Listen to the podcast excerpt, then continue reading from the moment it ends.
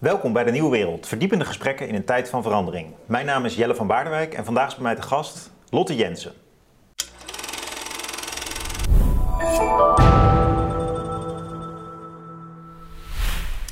Lotte, jij bent hoogleraar Nederlandse letterkunde en geschiedenis. Ja, Nederlandse literatuur en cultuurgeschiedenis. Oh, Nederlandse Ja. literatuur en cultuurgeschiedenis. Ja. Mooi vakgebied.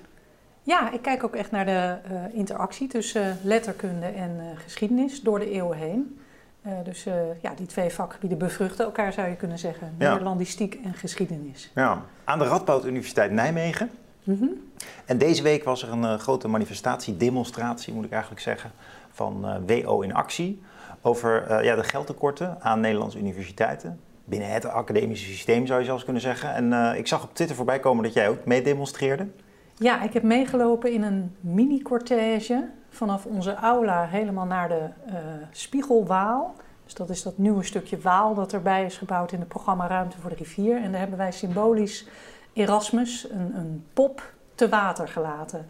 Om te laten zien dat eh, de academische waarden dreigen te verdrinken in het huidige klimaat. Ja, En dat was een succesvol eh, protest. Dus daar kwamen bij die Spiegelwaal ook honderd eh, andere protestanten van alle gelederen uit de universiteit. Ehm, en daar heeft onze collegevoorzitter Daniel Wigbondes ook een toespraak gehouden. En een student en een medewerker eh, om ja, ons gemeenschappelijke geluid te laten klinken. leuk. Jij gebruikt het woord protestanten, dat is, dat is volgens mij een anglicisme. Eh, en eh, dat is ook een reden waarom ik jou heb uitgenodigd. Want wij hebben een eh, gedeelde interesse in nadenken over wat nou eigenlijk de rol van het Nederlands is in onze cultuur, maar ook op de universiteit. Het Nederlands ook als academische taal.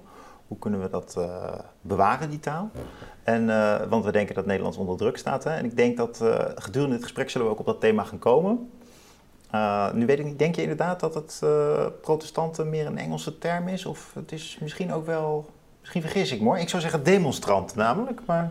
Uh, demonstrant lijkt me een beter woord. Ja. En ik moet het terugzien om te zien of ik protestant zei. Eerlijk gezegd uh, is het er dan uitgevloept. Oh, oké. Okay. Nou, ik vind het wel een mooi woord, maar het heeft natuurlijk die religieuze connotatie. maar Ehm, we hebben geprotesteerd, zo kan ik het in ieder geval wel goed uh, zeggen. Ja, nou ik denk terecht hoor. Die WO in actie groep die agendeert iets, namelijk toch... ehm, nou ja, volgens mij gaat het vooral om. Er wordt heel hard gewerkt aan universiteiten. Veel werk wordt niet gedaan, dus veel overgewerkt. En tegelijkertijd lukt het niet om uh, studenten de tijd te geven die ze nodig hebben om een vak af te ronden.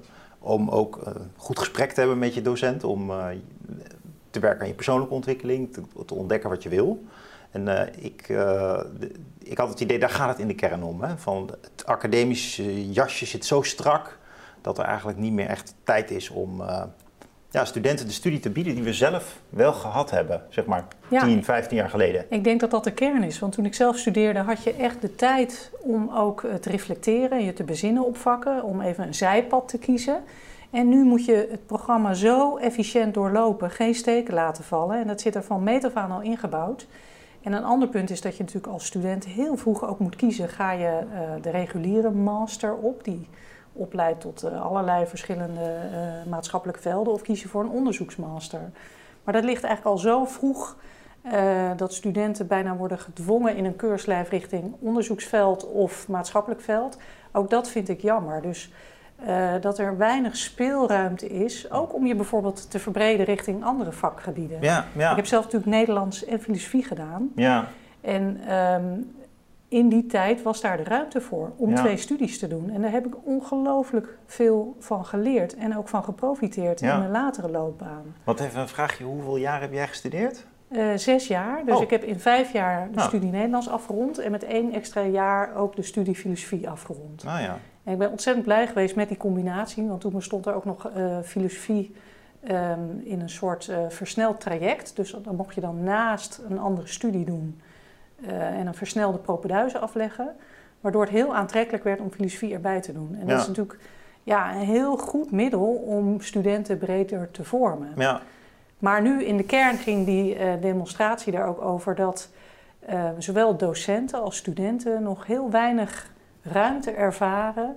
eh, voor reflectie. Dat alles in een strak keurslijf is eh, gepast. En er is natuurlijk, er zijn docenten die eh, ook van tijdelijke baan naar tijdelijke baan gaan. En dan bijvoorbeeld een, uh, voor de helft van de tijd docent zijn en dan een, een tiende onderzoekstijd krijgen. En dat is dan weer tijdelijk. En het is allemaal, ja, de studententoestroom is soms te groot voor sommige opleidingen. Daar moeten dan weer tijdelijke docenten voor worden ingehuurd. En die stabiele vaste basis, um, die uh, erodeert steeds meer. En dat is niet goed voor de kwaliteit van de opleidingen.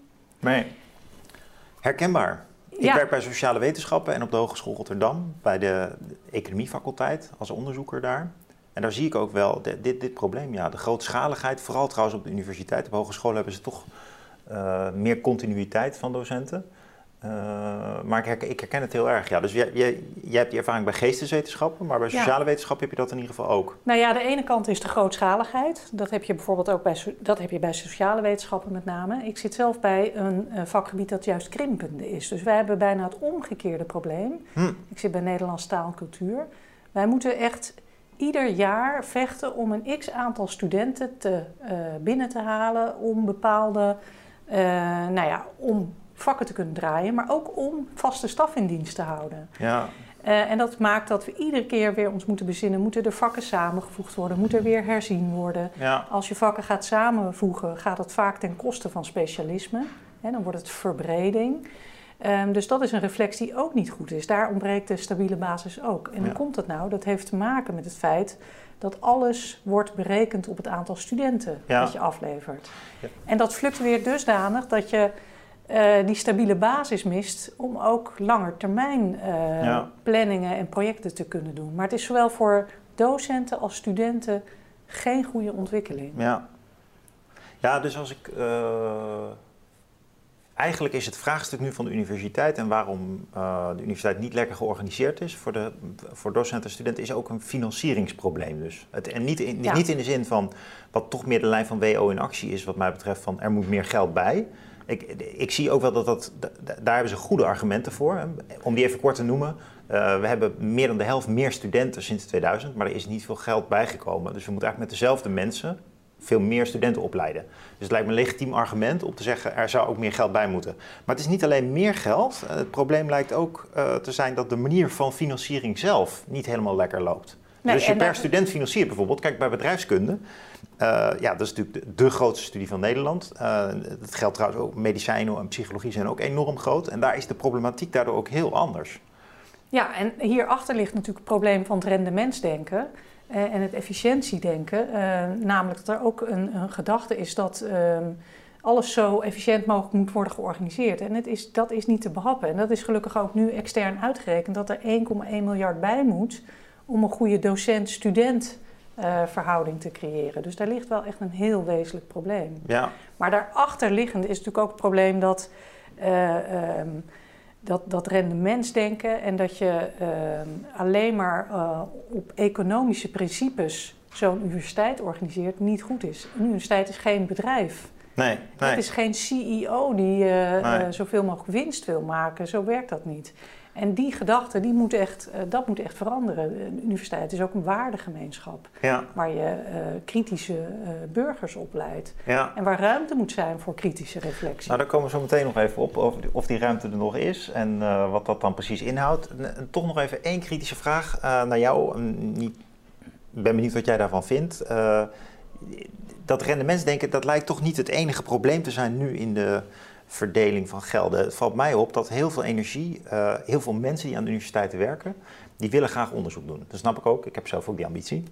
Um, maar het lijkt wel eens alsof ook het onderwijs het kind van de rekening is. Nou, en ja. dat ligt niet per se alleen maar aan de motivatie van docenten-onderzoekers, want die, uh, die worden ook gestimuleerd door de beoordelingscriteria van hun leidinggevende om dat inderdaad te doen. Dus bijvoorbeeld, klein voorbeeldje, je kunt beter een extra publicatie schrijven uh, dan werken aan vakinnovatie. Nee, dat is waar. Dat, dat, dat wordt namelijk beloond. Als, ja. je, als je meer publiceert, ja.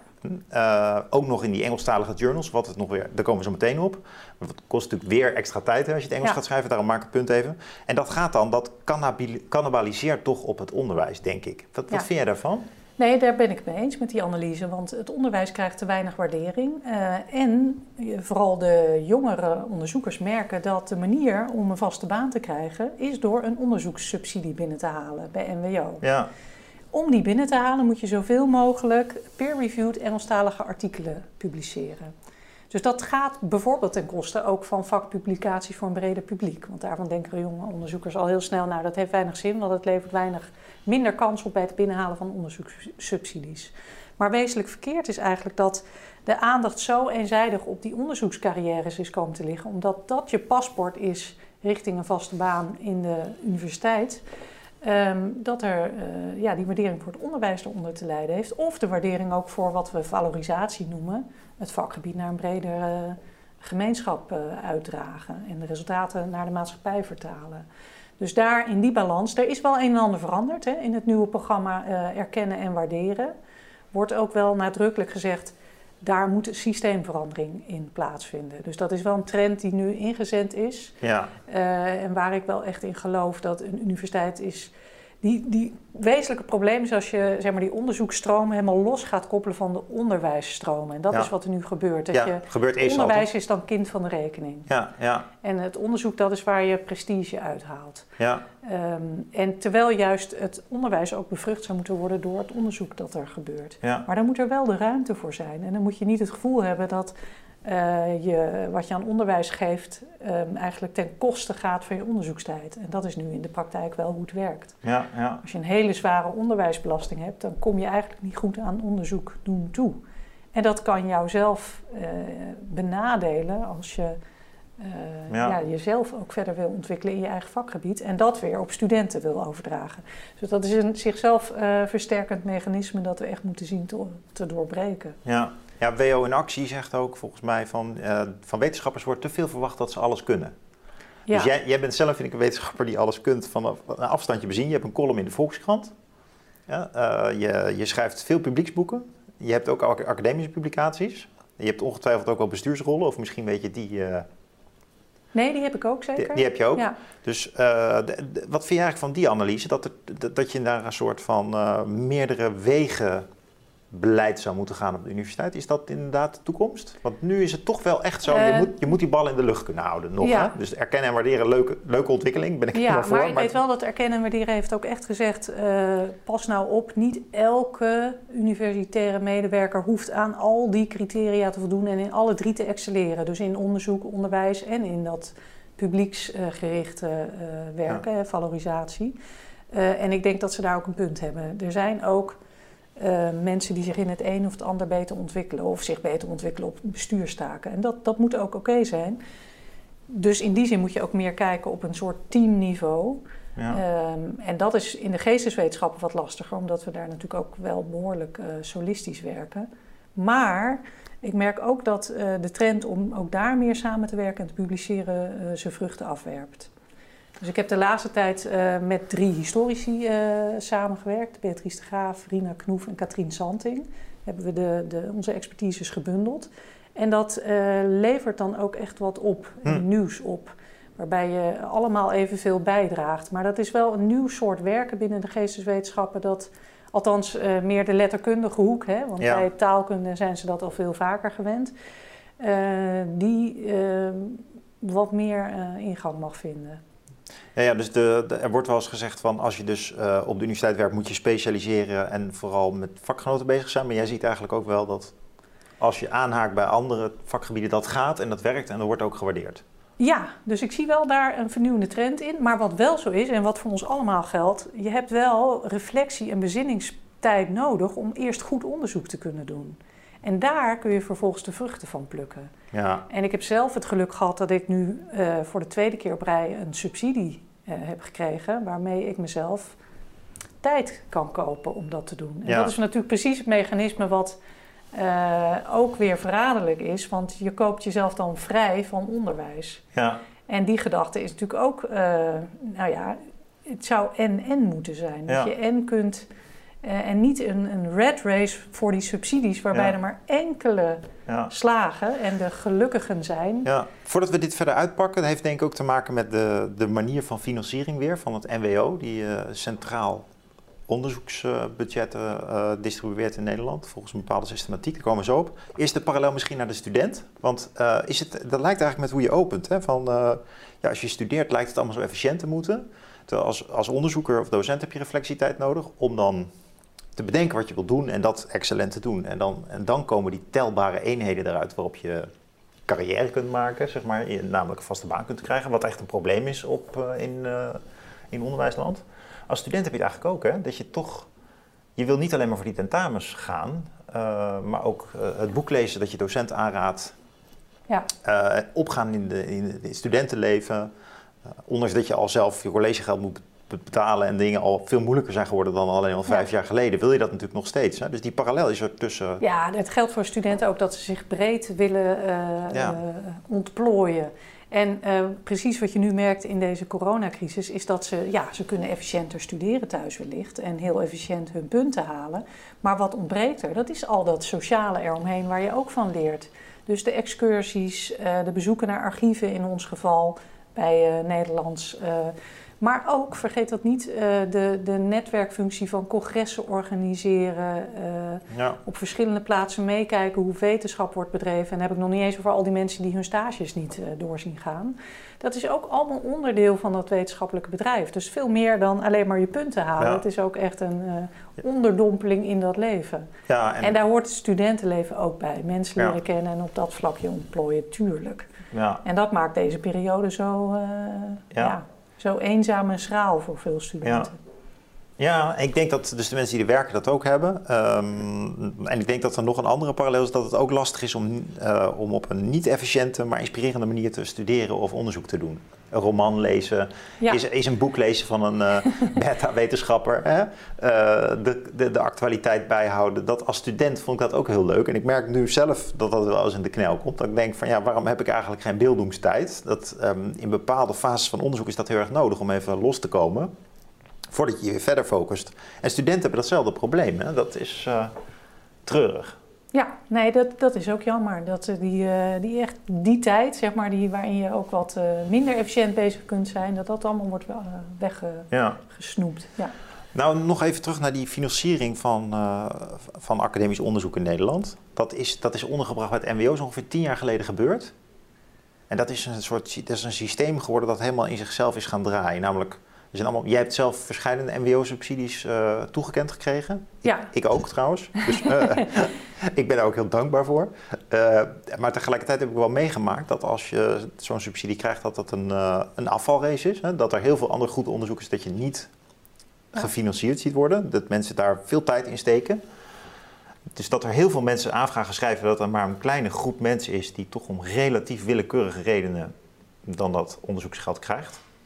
Die andere ambities die verkruimelen allemaal. Ja, nou kun je er wel iets genuanceerder verhaal over houden, denk ik. Het is niet allemaal uh, willekeurig wie hem wel niet krijgt. Want ik heb ook in de verschillende commissies gezeten. Ja. En ik vind uh, dat daar wel echt heel zorgvuldig uh, wordt gewikt en gewogen. desalniettemin worden er heel veel goede voorstellen niet gehonoreerd. En dat is natuurlijk een probleem. Ja. Die net zo goed honorering verdienen.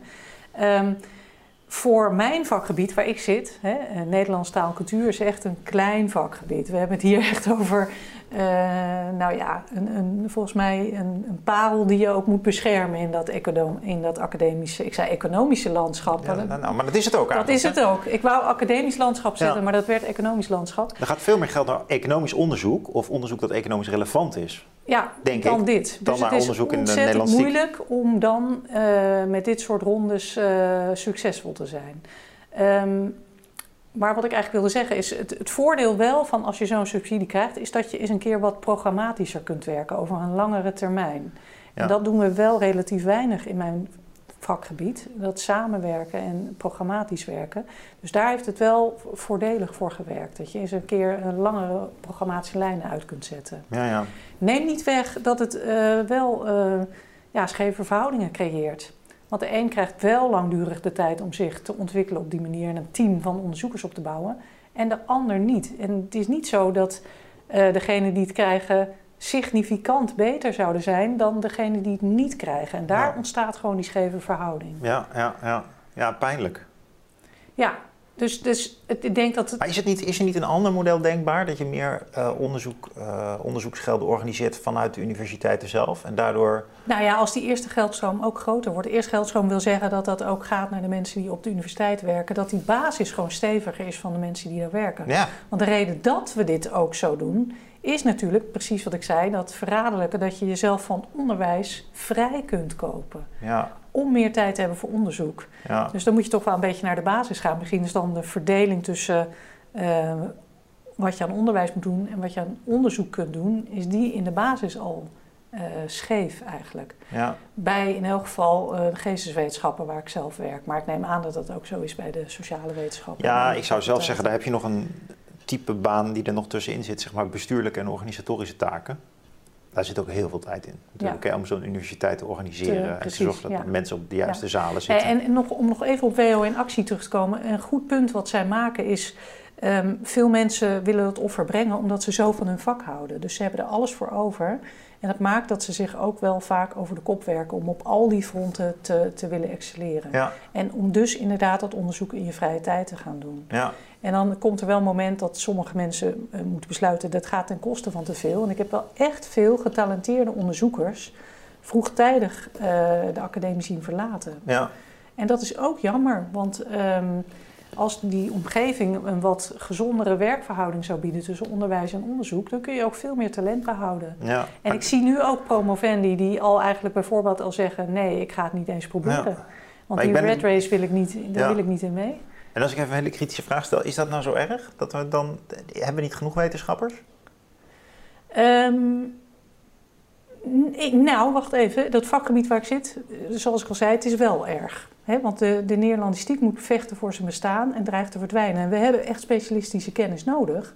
Ook van die relatieve kleinere vakgebieden. Dus is het erg dat we geen specialisten meer in de Franse cultuur en geschiedenis kunnen opleiden? Ja, natuurlijk. Of Duits, of Spaans, Ja. of Russisch. Want als hier in de wereld ontwikkelingen gebeuren, eh, dan wil je ook mensen hebben die dat goed kunnen duiden. En daar is Ja. er gespecialiseerde kennis voor nodig. Als je wil begrijpen dat onze democratie op verlichte waarden is gestoeld, heb je mensen nodig die specialistisch opgeleid zijn in het tijdvak van de verlichting, de 18e eeuw. En dan kun je niet volstaan met het lezen van een paar Engelstalige bronnen. Dan heb je ook die. Frans eh, opgeleide specialisten nodig. ja. Of de Neerlandici. Die Maar om nog heel even door te drukken van, oké, we hebben daar drie van, zeg maar. Drie is toch genoeg dan? Heb je, heb, je, heb je zoveel experts nodig in de verlichtingsideeën? Maar wacht even, hoeveel experts hebben we bij eh, psychologie en economie dan nodig? Nou. hebben we daar, daar genoeg aan twee? Ja, dat, kijk, dat is natuurlijk de, hè, dat is de andere kant nu. Dat je ziet dat eh, in, in onze tijdgeest, waarin het veel gaat om eh, psychisch welbevinden en economisch succes, eh, ja, die roept ons eigenlijk op van nou ja, nog, nog meer psychologisch onderzoek, nog meer economisch onderzoek. Dat klopt, hè, dat, is, dat is heel modegevoelig, denk ik, hoe interessant het verder ook is. Dat lijkt ook niet te kloppen. Hè? Dus eh, daar ben ik wel met je eens. Maar ik vind wel dat we moeten wel het argument serieus nemen, denk ik. Hè? Als, als wij zelf, ook, ook als WO in actie zegt eigenlijk, wij werken, wij werken hard. Dat is ook nu extern onderzocht, notabene door een consultancybedrijf dat behoorlijk bekend staat om zijn eh eh, efficiency-matrijzen. Die echt goed is in het doorrekenen van dingen. Als die zelf zeggen van jullie werken eigenlijk heel hard, krijgen niet genoeg geld. Is het niet ook een argument dat er gewoon te veel mensen hiermee bezig zijn? En eh, heb je al die specialisten nodig? Nou, nou, waar je vooral van af moet is het groeimodel denken. Dat we alsmaar meer studenten nodig zouden hebben om eh, eh, voldoende financiering te krijgen. Dat Ja. is in de grond verkeerd. Dus dat is dat financieringsmodel weer. Dat is dat financieringsmodel. En wat ik net uitlegde was dat wij voor de vaste staf afhankelijk zijn van het aantal studenten dat we trekken. Ja, nee, dus ja, dat, het gaat me echt aan het hart dat er allerlei specialismen verdwijnen. ja. Die intrinsieke waarde ook hebben. Nou, hiermee komen we denk ik ook op de volgende, de volgende kant van, het, eh, van de discussie, namelijk eh, het vak Nederlands zelf en de, de Nederlandse taal.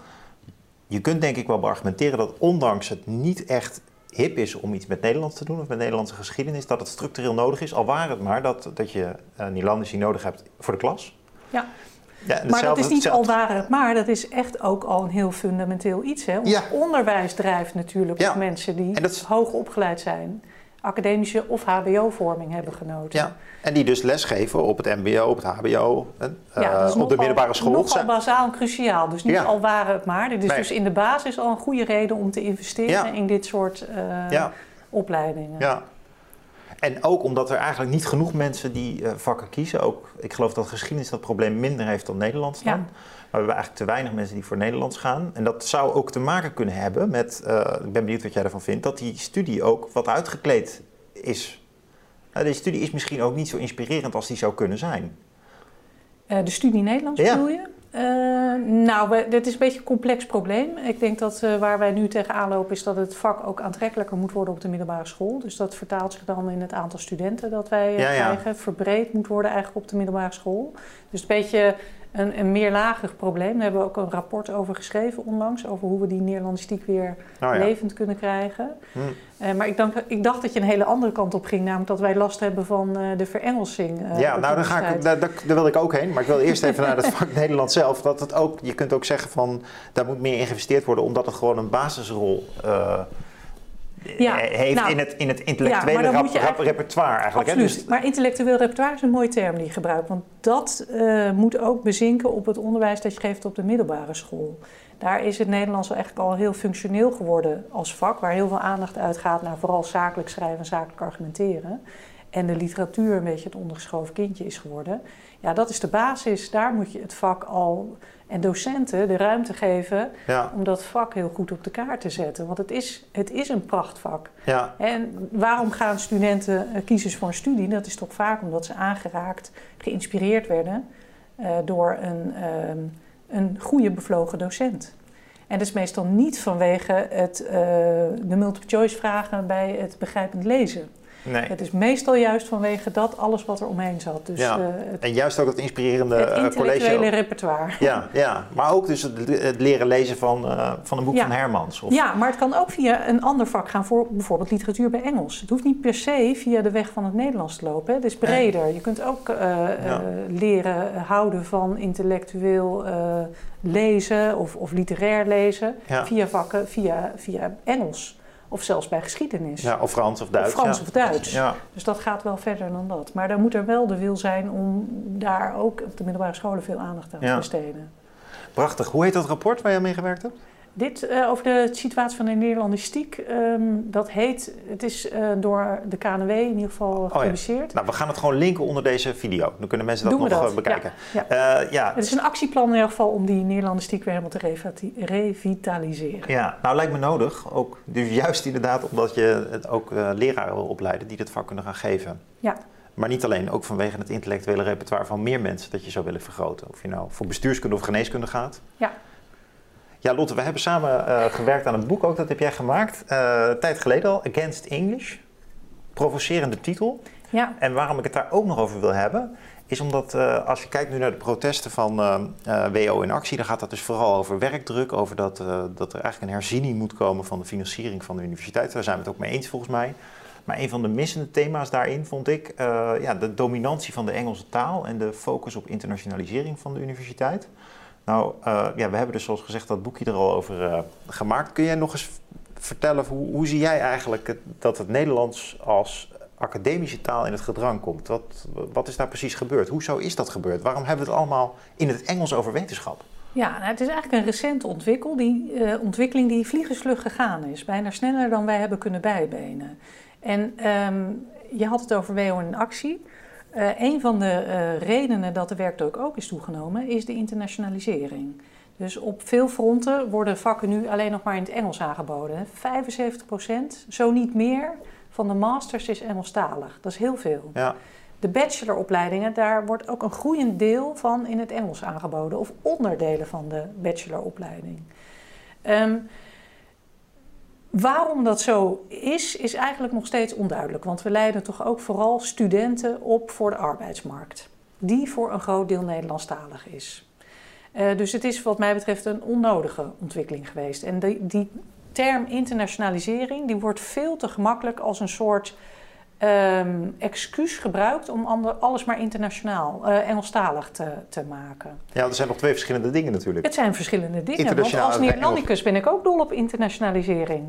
Want ik ga wel eens gastcollege geven in Zurich, in Berlijn. Dat is ook internationalisering. Hè? Je horizon verbreden. Ja. Maar dat wordt meestal niet. Meestal wordt het verengd Ja. internationalisering tot Engelstalige opleidingen aanbieden. Ja, of, tot Eng- of in Duitsland in het Engels een gesprek aangaan over wetenschap. Terwijl je Ja. zou ook in het Duits kunnen spreken, of in het Frans, of in het dus Italiaans. die meertaligheid die heeft daaronder geleden. En Precies. jij verwees net naar ons eh, boek Against English, dat eh, ik samen met eh Niek Pas, Daniel Rovers en Koen van Gulik heb samengesteld.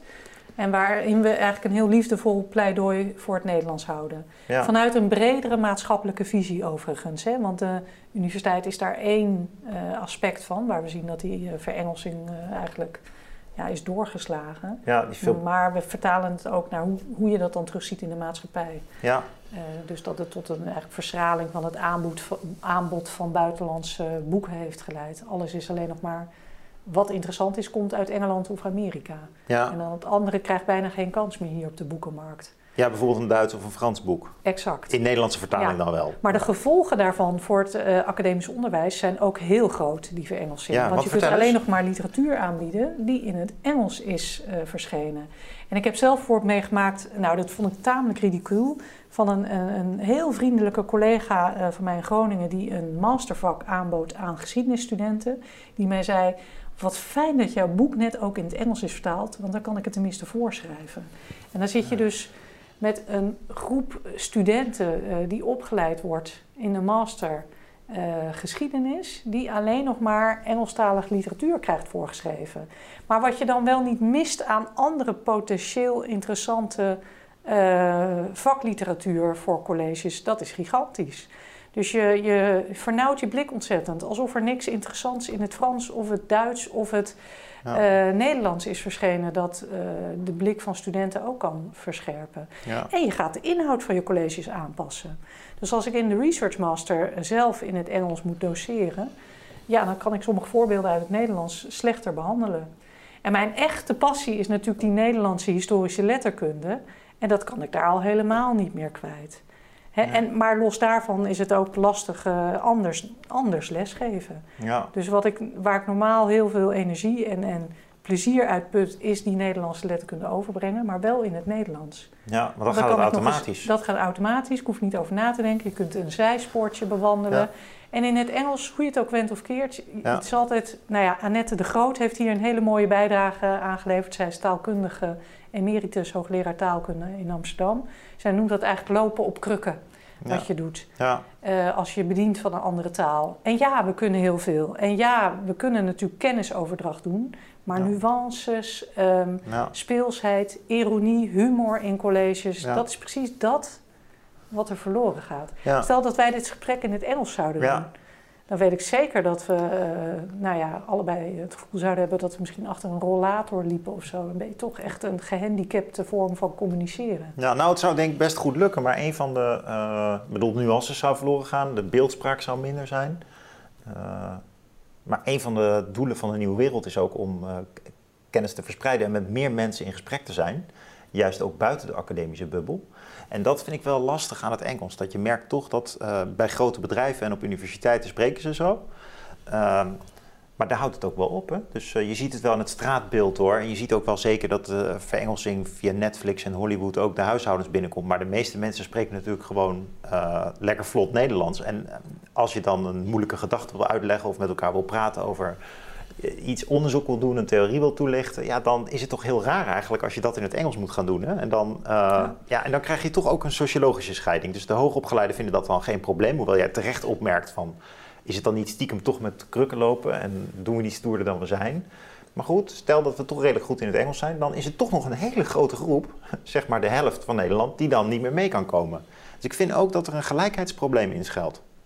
Nou, dat ben ik helemaal met je eens. En eh, ik vind dat we veel te gemakkelijk met die stroom zijn meegegaan. Heel vreemd ook. En Ja. het vervelende is, het is een eh, zichzelf versterkt systeem. Dus wat gebeurt er op het moment dat je ehm, veel internationale studenten binnenhaalt en dus in het Engels overgaat? Dan moet de hele, het hele eh, universitaire systeem ook verengelsen. Want dan moet mee de gebouwen, Ja, hè, de opschriften, de, eh, wat dacht je van de medezeggenschapsraad, Alle stukken moeten ook in het Engels. Het geeft ook heel veel extra werk. Alle nieuwsbrieven moeten plotseling tweetalig. Nou Lotte, ik zal je vertellen, heel veel colleges moeten dubbel gegeven worden nu. Dus uh, je moet natuurlijk krijg het Engels... je daar wel goed voor betaald? Nou, Om ja, terug goed. te komen bij WO in actie? Ja, nou, ik, heb, zelf mee, dubbele, ik heb zelf meegemaakt bij de, ja, bij de faculteit Economie en Bedrijfskunde heb ik zelf in het verleden meegemaakt dat ze zeiden het moet in het Engels. En als je het in het Nederlands doet, prima, maar dan moet je dan zelf doen. Dus dat, uh, in vrije tijd? Ja, nou ja, in je vrije tijd. Dat was dan wel Eigenlijk. betaalde tijd, maar dat, die gaat dan niet naar onderzoek. En dat verhuist dan naar je vrije tijd. Dus is, uh, Het is toch een keuze die je dan moet maken van ga ik dat... Uh, ja, verdedig je dan ja. de mogelijkheid om ethiek onderwijs Ja. in het Nederlands te krijgen of zeg je kies je eieren voor je geld? Nou, en als je dan kijkt hoe universiteiten wetenschappers beoordelen, dan is het eigenlijk, dan ben je eigenlijk, een, dan snij je jezelf in de vingers. Ja. Nou, wat ik trouwens wel merk is ook uh, gelukkig toegenomen bewustwording op het probleem. Uh, dus um, ja, het heeft zin om daar met dit soort boeken als Against English tegen te ageren. Ja. Hoewel niet iedereen de ironie van onze titel uh, direct had begrepen. Nee, Against English... Wij ageren niet tegen het Engels. Ja. We omarmen ook het Engels en meertaligheid, maar ook het Nederlands. Ja. Dat is denk ik de hele, hele de essentie. Niet, niet tegen het Engels, maar voor meertaligheid. Ja, en ook vooral voor behoud van het Nederlands als Ja. voertaal, uh, ook in het academische onderwijs. Nog even tot slot toch nog terug naar de systeemvraag. Van wat, want uh, nu ik hier zo ook over zit na te denken met jou hardop. Eigenlijk is het dus zo, als je het systeem zo financiert dat je per student uh, onderzoekers en docenten kunt aannemen. Uh, dan, dan zit daar dus in het financieringssysteem eigenlijk een impuls om de grenzen over te kijken en te internationaliseren. Dus eigenlijk de financiering van de universiteit stimuleert ons om onderwijs in het Engels aan te bieden. Er zit dus eigenlijk een pervers effect in de financiering zelf. Ja. En daarnaast zijn natuurlijk heel veel wetenschappers die zeggen: nee, uh, Engels is nu helemaal de lingua franca, doe niet zo moeilijk over het Nederlands. En uh, we gaan allemaal steeds meer Engels spreken. Die mensen heb je ook. Maar ik denk toch dat die financiering echt wel de uh, driver is, om het allemaal in het goed Engels te zeggen, die veroorzaakt dat we uh, zo georiënteerd zijn geraakt op die internationale studenten. Ja. En aan de kant van het onderzoek zie je eigenlijk eenzelfde soort beweging. Uh, je, je, wil publiceren, nou vind maar een Nederlands tijdschrift. Inmiddels zijn, zijn, er ook steeds minder door die verengelsing, dus het is ook een dialectisch proces. Maar je, ja, je specialiseert en dan is het ook gemakkelijker om in een internationaal specialistisch debat je in te schrijven. En dat doe je dan. En um, uh, en daar word je dan op beloond. En dan is het nog heel moeilijk om een stuk Ja. in, de, in een Nederlands tijdschrift of in de krant is- te willen zetten. Dit is natuurlijk ook een kern dat je eh, in die zin moet je ook eh, variatie belonen. Dus dan moet je ook daadwerkelijk eh, voor publieksgerichte boeken gaan belonen. En niet alleen die peer-reviewed artikelen, maar zeg het is net zo waardevol als jij een monografie schrijft in het Nederlands. Eh, die een groot publiek bereikt. Ja. Dat is ook waardevolle wetenschap blijven. Dus het is een beetje en-en. En het is natuurlijk wel vakgebied afhankelijk. Hè? eh, dus ehm, ik kan me voorstellen dat er, dat er masters zijn en vakgebieden waarbij dat in het Engels communiceren echt alleen maar voordelen heeft. Dus die eh, variëteit mag je ook maken en die verschillen zijn er ook. Maar het moet niet de regel worden. Maar- En het is een goed punt, het perverse zit hem in het financieringssysteem. ja, We worden ja. eigenlijk gewoon echt aangemoedigd om overal maar studenten vandaan te halen. Ja. Want dat levert meer op en Maar- dus meer staf enzovoort Ja, enzovoort. maar ook die publicaties, hè, want eh, hier bij de Nieuwe Wereld hebben we ook regelmatig eh, mensen die al met emeritaat zijn en dan opeens een heel mooi boek schrijven. En dan vraag ik ook wel eens van, zo'n mooi boek, weet je wel, wat, wat, eh, over Duitsland of over, over het boeddhisme, hoe, hoe, hoe komt dat nu? En dan, dan merk je ook wel van, ja, ja, ik ben, ik, ben, ik ben met pensioen en nu kan ik eindelijk het grote boek schrijven. Ja. Eh, en dat kon eerder niet, want toen moest je die internationale publicatie schrijven. En de pijn zit hem er dan wel in dat die vaak ook nog niet door heel veel mensen gelezen worden. Dus die publieksboeken die hebben veel breder leespubliek, Ja. ondanks dat het dus internationaal is. En dan is het toch allemaal wel heel wrang aan het worden, vind ik. Maar om het toch heel even dan voor de jongere generatie op te nemen. Want Ja. dit zijn dan mensen die langdurig in het eh, systeem hebben meegewerkt en na hun pensioen nu nog dat ene mooie boek schrijven. Ik heb het ook te doen, of eigenlijk meer te doen, met die jongeren die nu op al die fronten moeten excelleren. En eigenlijk veel van hen zie ik toch vroegtijdig daardoor opbranden. Ja, Want ehm, ze moeten en, en, en, en, en doen. En dat is denk ik niet goed. Dus en die peer-reviewed artikelen, maar ook eh, die brede publieksfunctie bedienen. ja, Eh, terwijl je echt af moet vragen, wat is het wezen van de universiteit? Het is onderwijs en onderzoek. ja, En die twee moeten op een goede manier met elkaar in verbinding worden gebracht. En ja, daar heb je wel uh, reflectietijd voor nodig, om, ook om dat onderzoek goed te doen. Ja, ja. ja dus uh, het leuk voor de emeritus die nog een, zijn boek, het boek van zijn of haar leven schrijft, juich ik echt van harte toe. Ja. Maar, maar laten we hopen dat die jonge generatie niet voortijdig is opgebrand en juist tijdens ja. Uh, in de bloei van het academische bestaan dit kan doen. Ja, of branden ze juist op studenten daardoor. Ja. Van. Ja, daar ben ik natuurlijk helemaal met je eens. Dat is natuurlijk. Jij bent zelf ook iemand die gewoon boeken schrijft, ondanks dat het systeem dat waarschijnlijk niet altijd positief beoordeelt. Dus het kan. En uh, ik ja. probeer dat zelf ook te doen. Maar ik merk maar, wel dat. En je bent wel, waarschijnlijk jij ook, altijd strategisch aan het nadenken. Zal ik nou um, een Nederlandstalig artikel voor een relatief klein publiek, maar waar het wel veel waardering vindt, schrijven? Ja. En misschien wel zelfs niet zo heel maatschappelijk relevant, omdat ik vind dat de gelegenheidsgedichten van Vondel ook uh, besproken moeten worden. Of ga je voor uh, dat international uh, peer-reviewed artikel, omdat je weet dat je het nodig hebt voor je cv. Ja. En er zijn maar heel weinig mensen die zich de luxe kunnen veroorloven om te zeggen, nou ik laat dat internationale peer-reviewed artikel let elkaar zitten. Want ik vind uh, dat andere eigenlijk uh, ja. leuker, belangrijker, inspirerender, voor mijn studenten belangrijker. Ja. En het terug is dat dat cv-denken van wetenschappers, dat gaat ook in die studenten zitten. Hè? Want die zijn daar ook al mee bezig. Hè? Hoeveel studenten via LinkedIn bij mij komen. En dan, kijk ik op die cv's en denk man, doe normaal met je cv, met je cv-ambities. Eén laatste uh, kritische bedenking over hoe het nu georganiseerd is mag uiten. Ik vind het oprecht jammer dat we al zo vroeg een twee-stromenland hebben gecreëerd van de reguliere master en de onderzoeksmaster. Die zouden vaker samen. Uh, ja. Ik vind het persoonlijk leuker ja. het gevaar af dat ik iets niet diplomatiek zeg, maar ik vind het persoonlijk leuker geworden om in de reguliere master te doseren. Ja. Uh, dan in de research master, juist omdat je niet het gevoel hebt dat het allemaal al een functioneel doel dient, namelijk voor die carrière in de wetenschap. Ja, ja, ja. ja. Dat je juist echt. De beeldingscomponent is beeldingscomponent, ja. ja. ja. En die, die zouden we echt weer terug moeten hebben. En dat helpt niet als je al van meet af aan dat twee stromen uh, nee. land uh, creëert. Lotte, we zijn aan het einde gekomen van het gesprek. Ik wil nog even kort samenvatten van wat, uh, wat is er nou overtuigend aan wat WO in actie wil en wat voegen we er nog aan toe in dit gesprek. Of, en dat zit misschien ook al in WO in actie, maar ik, vul me aan. Dus WO in actie zegt eigenlijk, uh, het academische systeem is ondergefinancierd. Uh, ja. Er is een miljard tekort. Dat is een heel belangrijk punt. Ja, en, en dat, dat, is, wordt en dat, onderschreven ook door externe bureaus. Ja, dus dat is. En uh, het interessante aan dit gesprek is eigenlijk dat de vraag ook moet worden gesteld, denk ik, van ja, maar hoe besteden we dat geld eigenlijk? Ja. En zijn die tekorten niet ontstaan omdat we zelf ook onszelf een bepaalde systematiek opleggen? Van elkaar beoordelen, van internationaal publiceren, uh, de publicatiedrang, dwang, maar ook in het Engels moeten doen, want dat ook veel meer tijd kost. Uh, de splitsing tussen onderwijs en onderzoek. Ja. En um, uh, de, de financieringsstructuur onderbrengen bij een apart instituut, namelijk nou, het MBO. En dan vergeet je denk ik nog die financieringsstructuur die ons dwingt om zoveel mogelijk studenten uh, te bedienen. Ja, precies. De bekostiging ook, van, van de studie zelf vanuit de student. Ja, maar ja. ik denk ook uiteindelijk toch in de basis waardering voor die onderwijstaak van de universiteit. Als, daar, als je daar ook als docent voldoende ruimte en rust voor krijgt, neemt het plezier in doseren toe. Ja. Uh, maar dan, daar is die financiering wel echt belangrijk. Maar dat we niet altijd met tijdelijke contracten, tijdelijke ja. docentaanstellingen... Ja, belangrijk punt. Uh, die keer op keer verlengd worden. Of mensen die dan na drie keer verlengd uh, de deur worden gewezen... sorry, kan niet nog een keer verlengd. Ja. Ja. Nou, daar is echt gewoon echt veel meer stabiliteit nodig en een betere verhouding onder, onderzoek-onderwijs ja, in die ja. aanstellingen.